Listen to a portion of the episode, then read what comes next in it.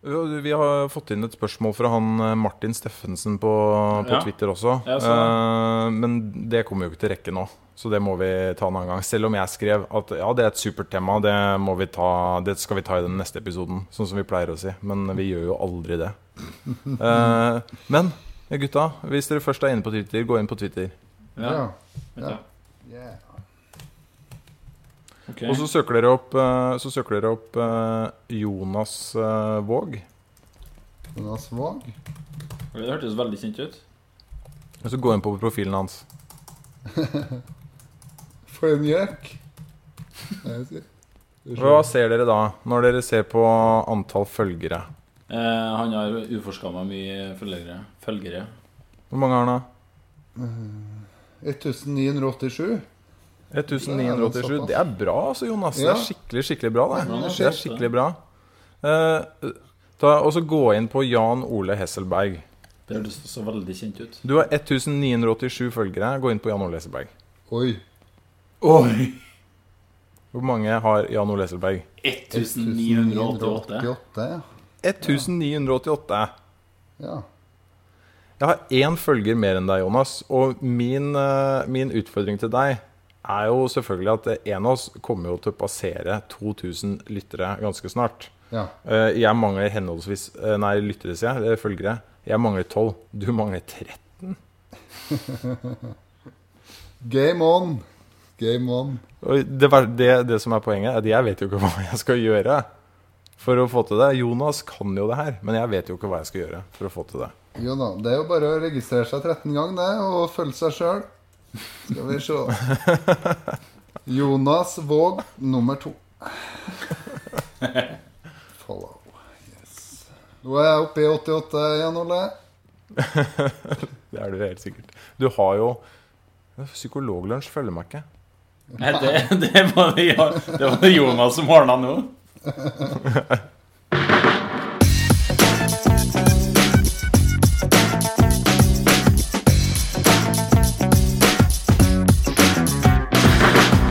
Du hører på Psykologlunsj, populærvitenskapelig lunsjprat med psykologene Tommy, Jonas og Jan Ole.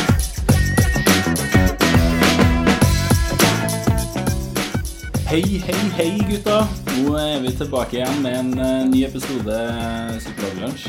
Dette det er faktisk vår 20. episode. Eh, jeg heter Tommy Mangerud, og med meg i dag så har jeg som alltid eh, Jan Ole Eselberg og Jonas, Hei, hei, hei, Tommy! og Jonas Våg. Hei, hei, hei. Hei, hei. Det var ikke jovialt og koselig at når Jo, jo, sånn uh, jubileumsepisode Sånn, sånn arbitrært halvrundetall. Det er runddag. Runddag. Det er runddag. Det er det. Eh, vi har greid å skrape sammen 20 episoder, og jeg vil eh, påstå at vi eh, er litt grann, får det til litt grann bedre enn eh, de første par. I tillegg så, Jonas, eh, har vår blogg, Psykologibloggen, vært operativ i fire år. Kan ikke du eh, si litt kortversjonen om eh, psykologibloggens historikk, da, Jonas? Jeg syns det er litt sånn trivelig. Jo, psykologibloggen ja, den er jo blitt fire år.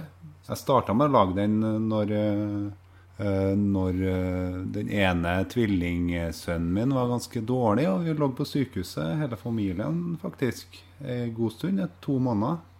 Eh, og da, da var det masse utredninger sånn på han eh, lille gutten. Og, og i den perioden så, så var, ble det sånn at siden vi alle sammen lå på en knøttliten, eh, et knøttlite rom, så var det, var det lite å gjøre på kveldstid, for vi kunne ikke drive og bråke eller sånn på kveldstid. Da.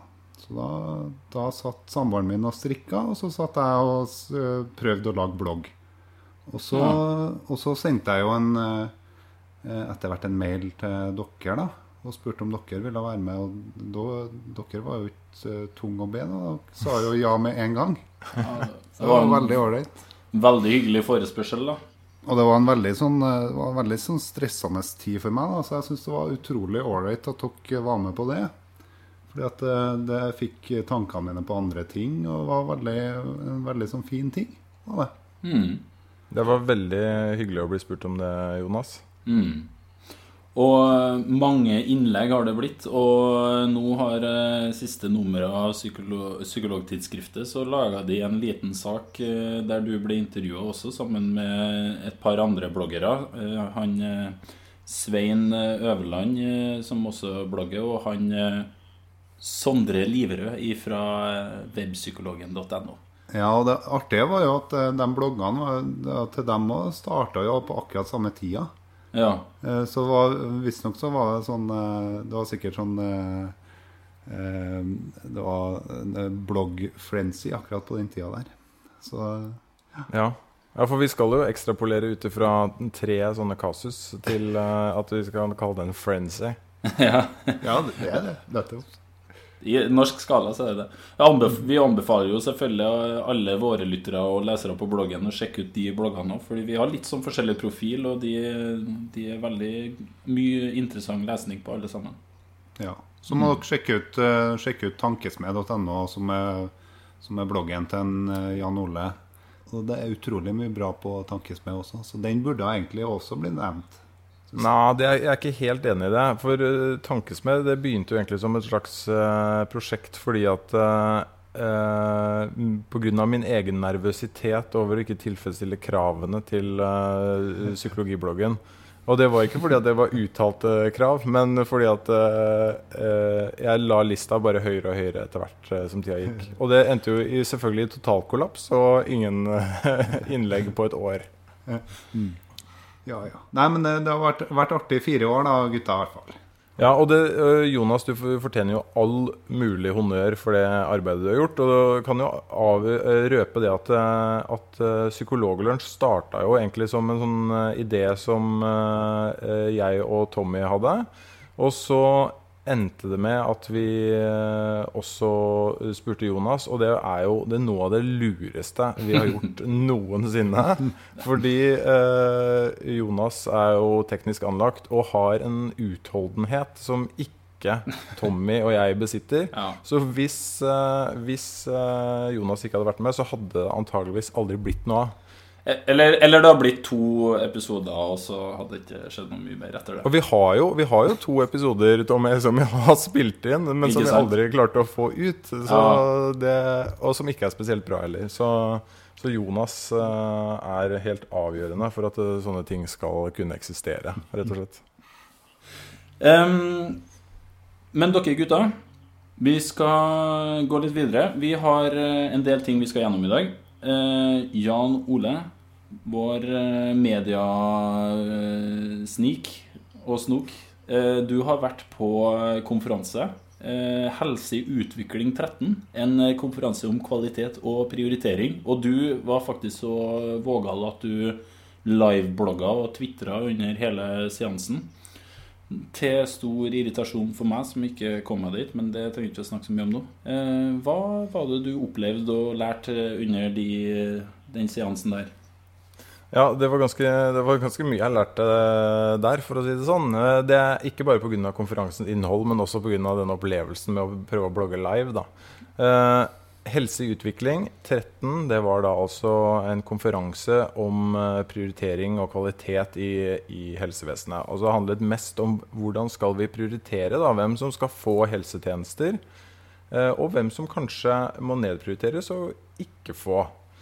Og det er jo et eh, spørsmål vi har diskutert her tidligere. Det er sånn at helsevesenet har uh, begrensa ressurser, vil alltid ha det. Og derfor må vi sette noen grenser for når vi skal tilby hjelp, og når vi kan vente. Og denne konferansen tok for seg det. Det var kanskje 500 deltakere. Det var helseministeren som åpna. Camilla Stoltenberg, direktør for Folkehelseinstituttet, eh, introduserte flere av debattantene.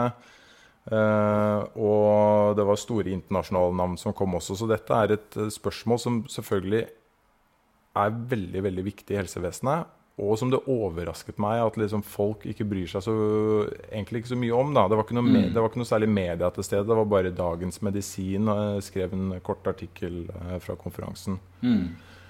Så dette er jo dette er bare ekstremt viktig, og kommer til å bli viktigere også. fordi det er sånn at uh, ny teknologi og nye medisiner og sånne ting gjør at vi kan hjelpe flere folk uh, enn tidligere. Men, uh, men kostnaden ved disse, denne nye teknologien er veldig stor. Og muligheten, altså benefiten man får av å introdusere disse tingene, er ofte ganske marginal. Man blir liksom Når det er snakk om kreftmedisin, f.eks., så er det ofte snakk om sånn type tre-fire måneder forlenget levetid.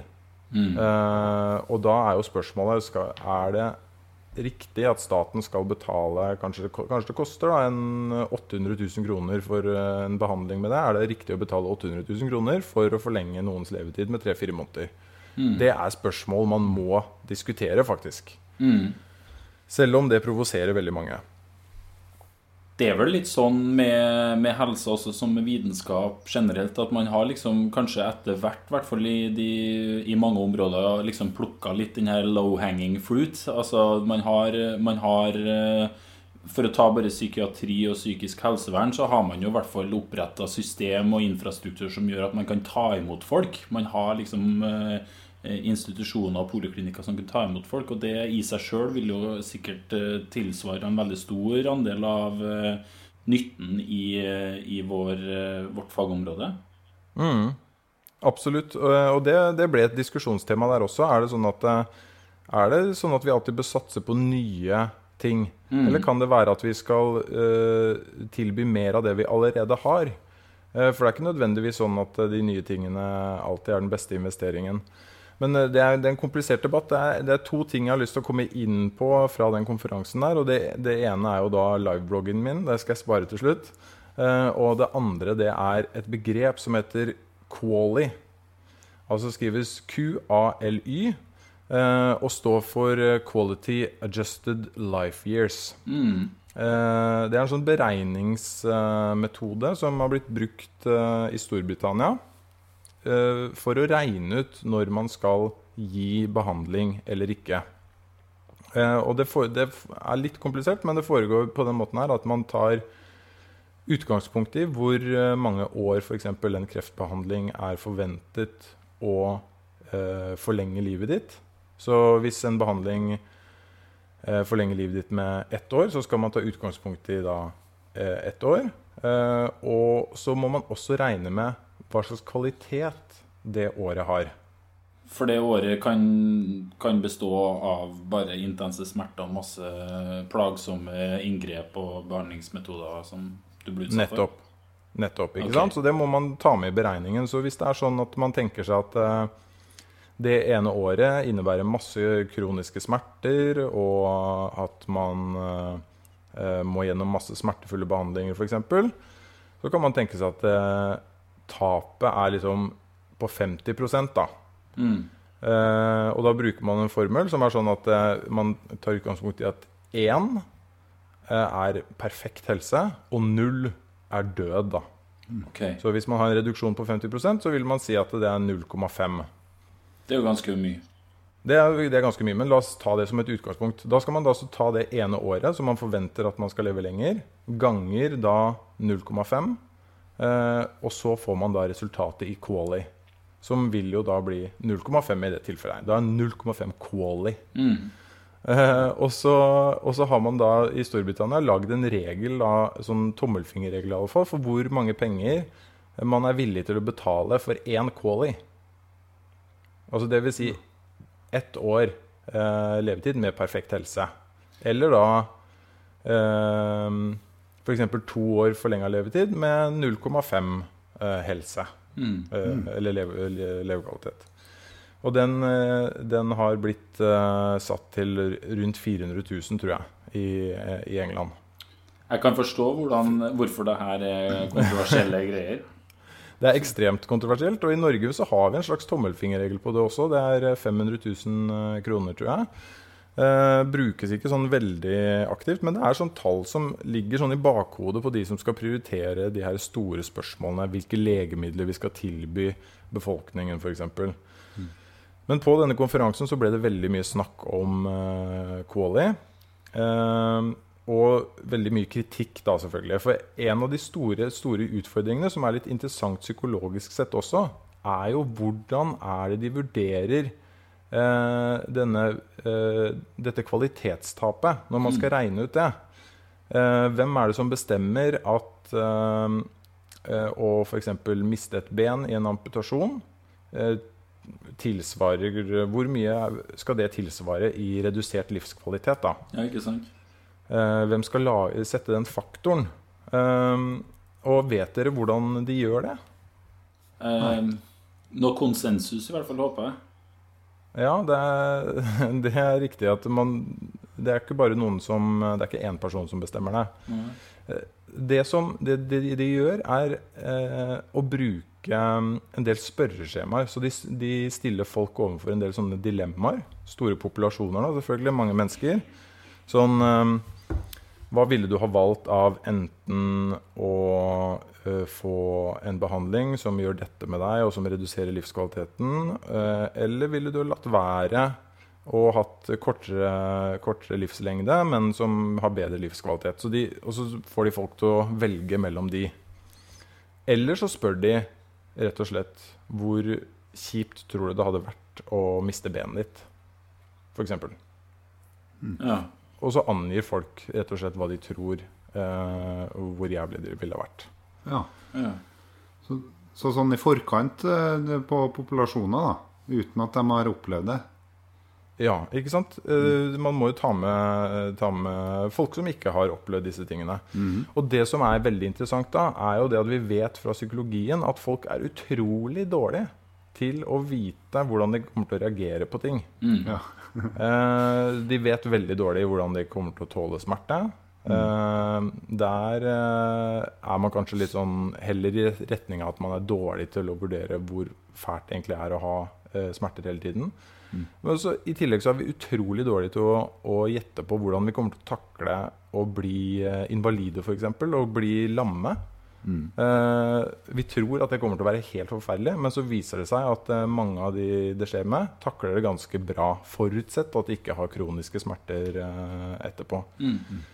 Eh, så det, det bare slo meg at uh, en del av dette her hviler på en sånn antakelse om at vi er veldig rasjonelle, og at vi vet uh, hvordan vi kommer til å reagere på ting. Og det er det veldig lite som tyder på.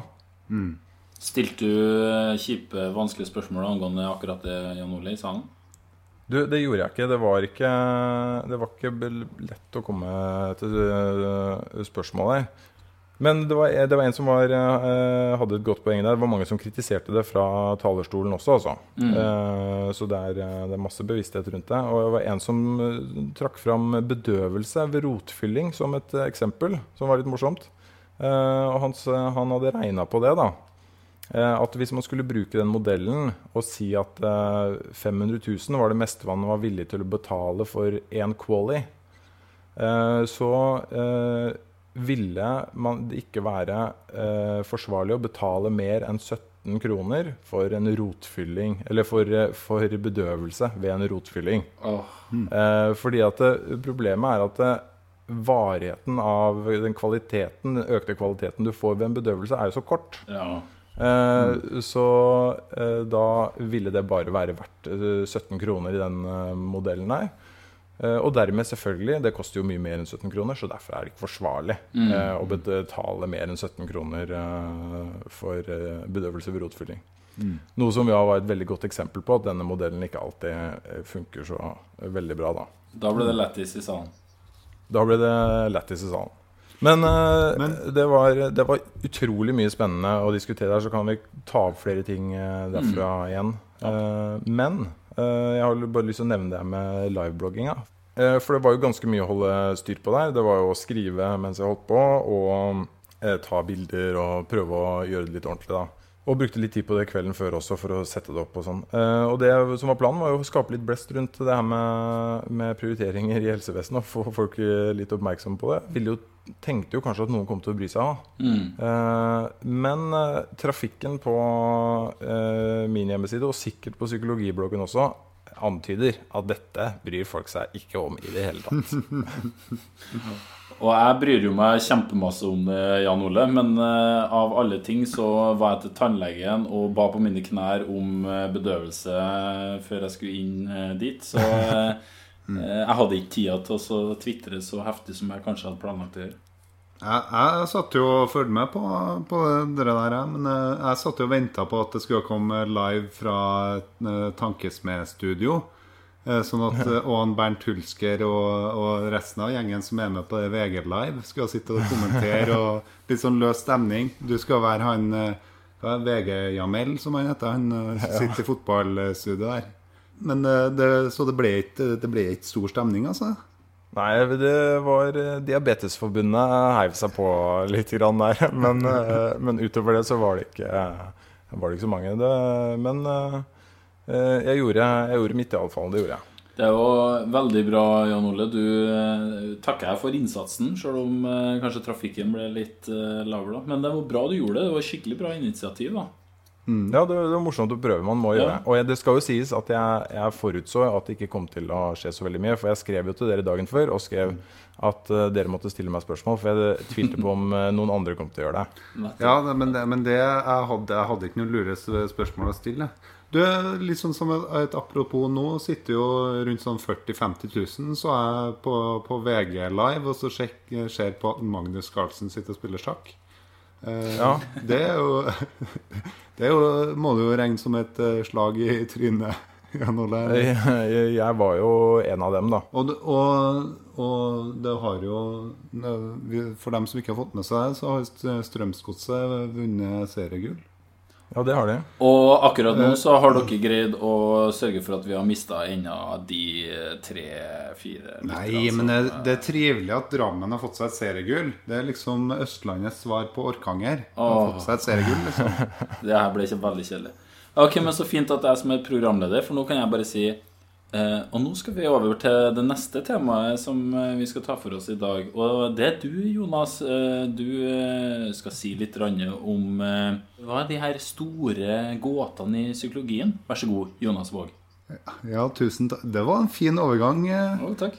Eh, For det er jo sånn at, eh, sånn at eh, eh, Psykologiforbundet, som var den tidligere, som tidligere var masterforeninga i psykologi, eh, som nå heter Psykologiforbundet, eh, har åpna opp for at eh, både psykologer og alle med høyere utdanning innenfor psykologifaget kan være medlemmer.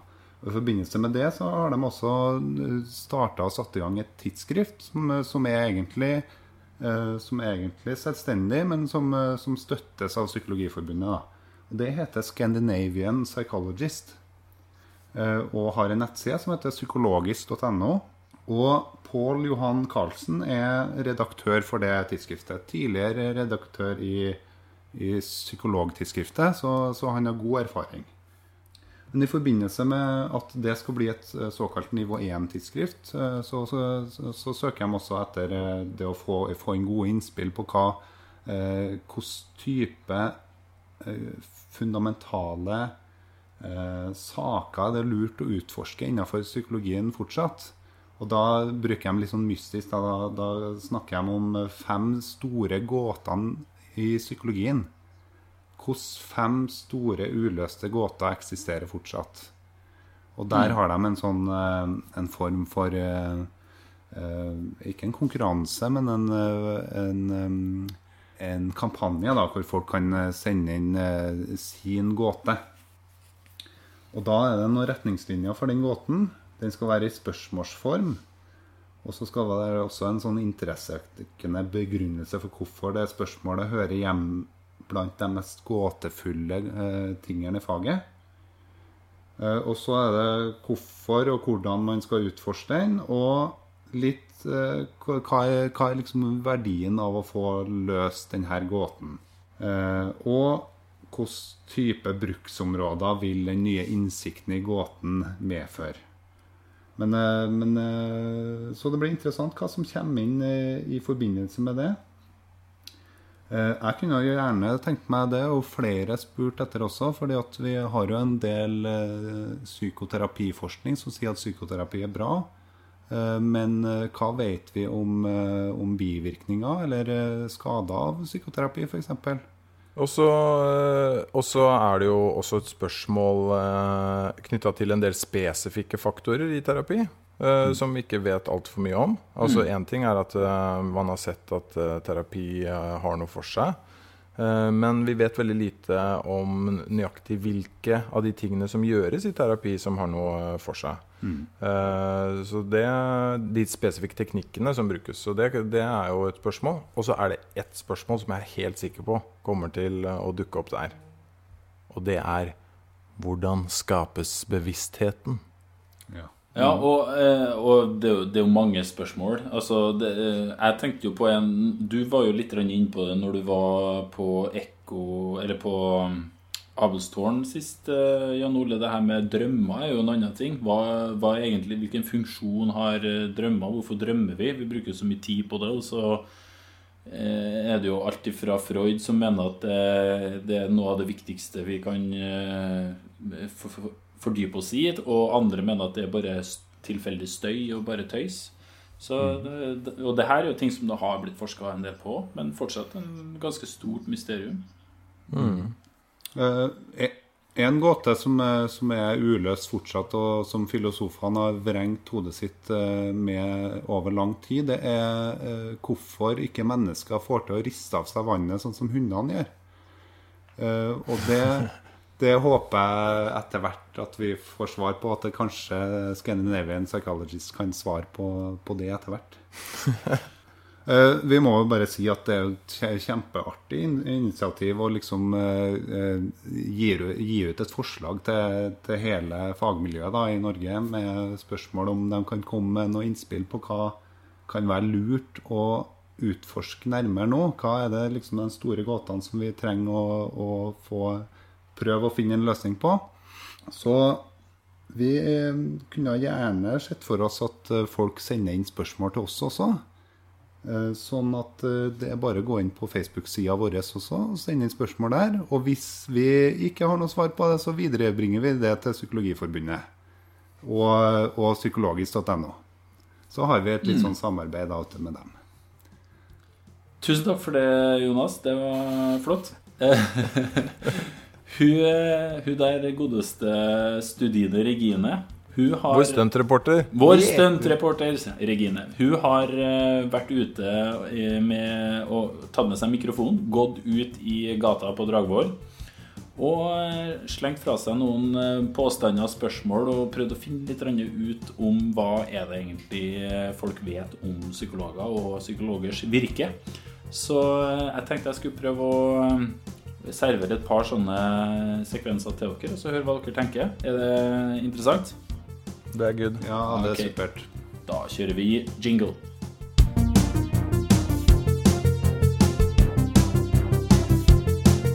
Stutine, Regine, Regine, Stutine. Hun er vår kvinnelige allingstid. Stutine, Regine, Regine, Stutine. Hun stiller på spørsmål om psykologi.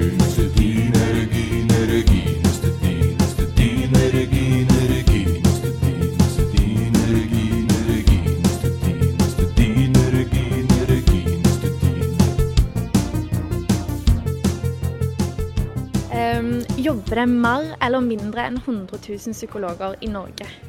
Jeg tror mindre. Du tror det er litt mindre? Sannsynligvis mindre. Um, finnes det ca. 100 000 psykologer i Norge? Nei. Nei. Hvor mange tror du finnes? 50 000? Nei. Nei, hvor mange tror du finnes egentlig? 10 000? Tviler på det. Sikkert flere. Sikkert flere enn 100 000. Eh, sikkert. Sikkert. Cirka 50 000. Ca. 50 000, ja. Dæven. Vi er, vi er en sterk fagorganisasjon. Ja, det er det ingen tvil om. Det er mange psykologer i Norge som ikke jeg har hørt om, iallfall. Ja, det, det var veldig mange. Eh, har, dere, eh, har dere noe peiling på hvor mange det er? Du, øh, øh, jeg er ikke helt sikker, men jeg tipper at det er rundt rett, rett i underkant av 5000. Jonas? Eh, jeg tipper 6348. Ja, da vant Jonas. Det er faktisk eh, Per 1.1.2012 så var det rett oppunder 7000 autoriserte psykologer i Norge. Oi, oi, oi. Ja. ja. Og av de da så var- er ca. 6000 medlemmer av Norsk psykologforening. Så det er mulig det er det tallet du, du har sett, eh, Jonas. Jeg vet ikke. Men det som i hvert fall er veldig sikkert, det er jo det at vi er ganske langt unna 100 000. Ja. Vi er veldig langt unna 100 000 og veldig langt unna 50 000 nå, som ble foreslått der. Ja. Men Eh, det er jo det er klart 100 000 er jo et måltall. Det er jo, det er jo der vi burde havne Ja. i løpet av de neste to-tre månedene. Men hva, hvorfor tror folk at det er så mange, da? Er det fordi at uh, psykologer er noe det som stikker nesa fram overalt? Eller er det som på Folkeopplysningen og sånne ting? Eller er det Nei, det er jo ikke spesielt mange psykologer uh, i media. Eh, Det er jo ikke det. Jeg tror bare at folk har generelt lite snøring på eh, hvor mange arbeidstagere det egentlig finnes, og hvor mange forskjellige yrker de skal deles på. mm. Ja. Men eh, hvis vi blir 100 000, så blir det jo ikke psykologlunsj lenger. Da blir det jo psykologmatfestival fra Stavanger med, med stor eh, ståhei og 100 000 programledere. Psykolog eh, Ja, ja, det er sant, det. Ja. Ja.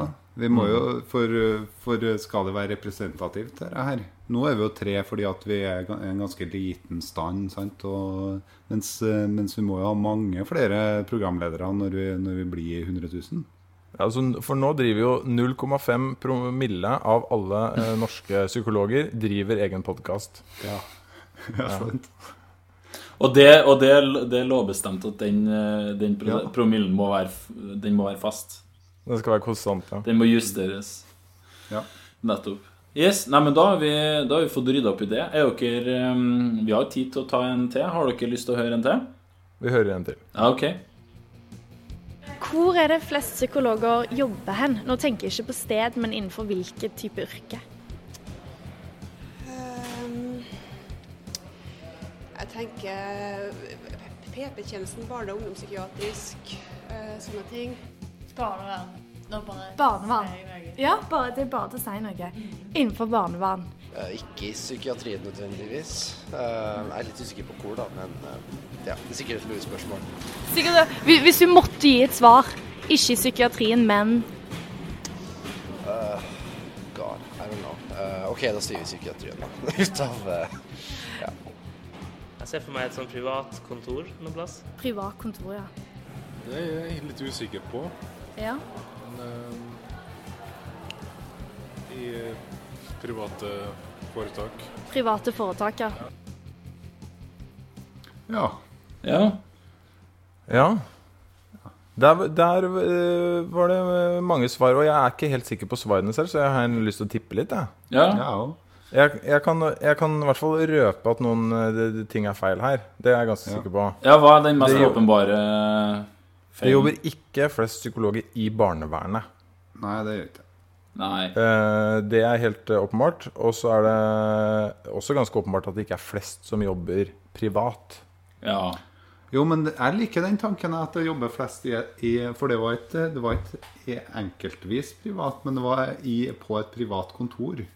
Så at, eh, så at det er noen sånne psykologer AS, hvor det jobber en 3000-4000 stykker, ass, det, det liker jeg tanken på. Eller at du bare har et privat kontor, selv om det er i en eh, kjempestor, eh, kjempestort sykehus. Men du er så heldig at du ikke jobber i åpent landskap. Ja. Du har ditt eget private kontor. Ja, nettopp, ja. Nettopp. ja. Det var helt sikkert det de mente. Og så var det en som, det var en som sa eh, ikke i psykiatrien, altså, da, altså ikke i psykisk helsevern. Og da tror jeg at uh, den personen ikke vet hvor stort psykisk helsevern egentlig er, og Ja. hva det dekker for noe. For det dekker jo egentlig alle tjenestene som ligger inn under uh, sykehusene, eh, som er kjempestort. Ja, så, så hvis vi tar og deler det opp Det jeg har tall på, da, som jeg har funnet fram til, det er hvis vi deler det opp eh, sånn grovt i fem store kategorier, så jeg kan liksom si hva de inneholder, så kan dere jo gjette litt på hva som er størst, i hvert fall. da. Ja. Det er da eh, helseforetak og eh, derunder, Sykehusene.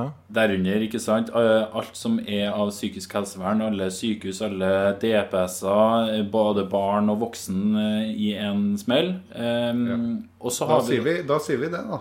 Da sier ja, vi det. det, det er ganske bra Det er ganske bra gjetta, da. Det, det utgjør brorparten. Ja. Eh, vet dere hvor mange prosent som befinner seg i den, eh, i den boksen? Eh, 48. Oi. Eh, spennende. Jeg, eh, og nå, må jeg, nå er det min tur til å slå Jonas, da. Det er det. Eh, jeg tipper eh, Uff, han sier 48. Da sier jeg eh, 51. Det er 59. Oh! Yes, jeg tok deg så Ja. sinnssykt der, Jonas. Så, så det er lett eh, Den største gruppa psykologer jobber i det offentlige helsevesenet, i helseforetakene, i sykehussystemet. Mm. Eh, og så har vi da eh, fire andre kategorier. Det er kommune eller fylkeskommune da, i en boks. Og så har vi stat, og så har vi selvstendig, og så har vi andre. Eh, så hvis dere tar gjette på det her med hvor mange jobber selvstendig, hvor mange har sitt, e- sin egen bedrift som de jobber ut fra? Ja, men er det 100% som egen bedrift, eller? Nei, snakker vi årsverk nå, eller snakker vi antall psykologer? Nå snakker Fordi vi det- antall psykologer eh, av, som er medlem av eh, Norsk psykologforening, da, som er Mm, det blir krøll med tallene da, vet du, for jeg har jo hatt eh, mitt enkeltpersonforetak har jeg hatt ved siden Mm. av eh, jobben i det offentlige. Så da blir det noe tull med de prosenttallene. Men jeg, la meg tippe, da. Jeg tipper ehm, eh, Da tipper jeg 15% Jeg tipper 17 jeg. Og så tipper jeg at eh, to av de prosentene ekstra det er, det er psykologer som jobber i Teddy TV. Ja. ja, og da tipper jeg at jeg slår Jonas på den her. Det er 12,5. Ah. Men, eh, men da, da er det sikkert eh, kontrollert for, eller dratt fra dem som har dobbelt Som jobber i Teddy TV? sånn. Nei, men, men noen jobber jo 50-50 og sånne ting òg, vet du. Ja. Så det er jo hva de fører opp som eh, hovedarbeidsgiver, da, sikkert. Dette blir altfor teknisk. Det gjør det. blir alt for teknisk. Det, det blir ikke for teknisk. Jeg må jo forklare hvorfor jeg tapte denne konkurransen. Det er jo jo Alle skjønner, alle skjønner det, Jonas. Det er latterlige regler, altså. Nei, men bare, regler?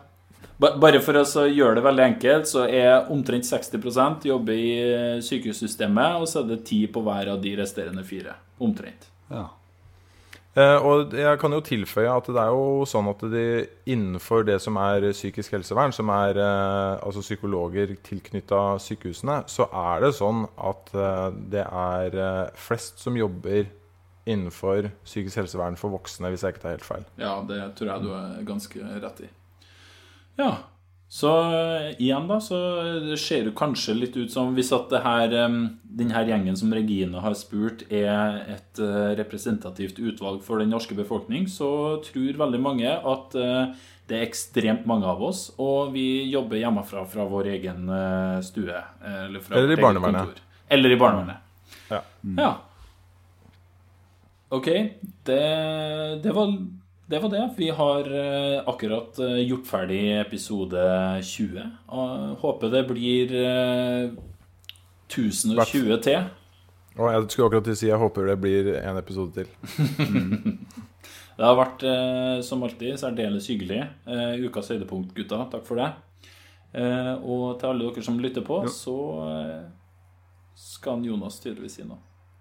Nei, det var jo det, det, nå, nå kollapsa nettet her i Malvik, så jeg hører ikke hva dere sier. Så derfor sier jeg eh, takk for i dag, og, og eh, god kveld eh, hjem. Eh, og så ses vi igjen om to uker. Ha det bra. Det, det, men der kan du se hvor dårlig stilt det er med distriktspolitikken i Norge egentlig. Når du kan sitte på Malvik, som tross alt er et ganske stort sentrum, og ikke ha ordentlig internettlinje. Men uh, du vet jo at uh, Du vet jo at Drøbak er Østlandets svar på Malvik. Det er det, ja? Nei. Nei, det er, det er Inderøya som er, uh, som er Østlandets svar på nordlendingenes Bodø. Tenk litt på den, du. Uansett, nå eh, er det definitivt over for denne gang. Eh, til alle sammen som har hørt på, det har eh, vært en glede, og vi høres om ikke så altfor lenge.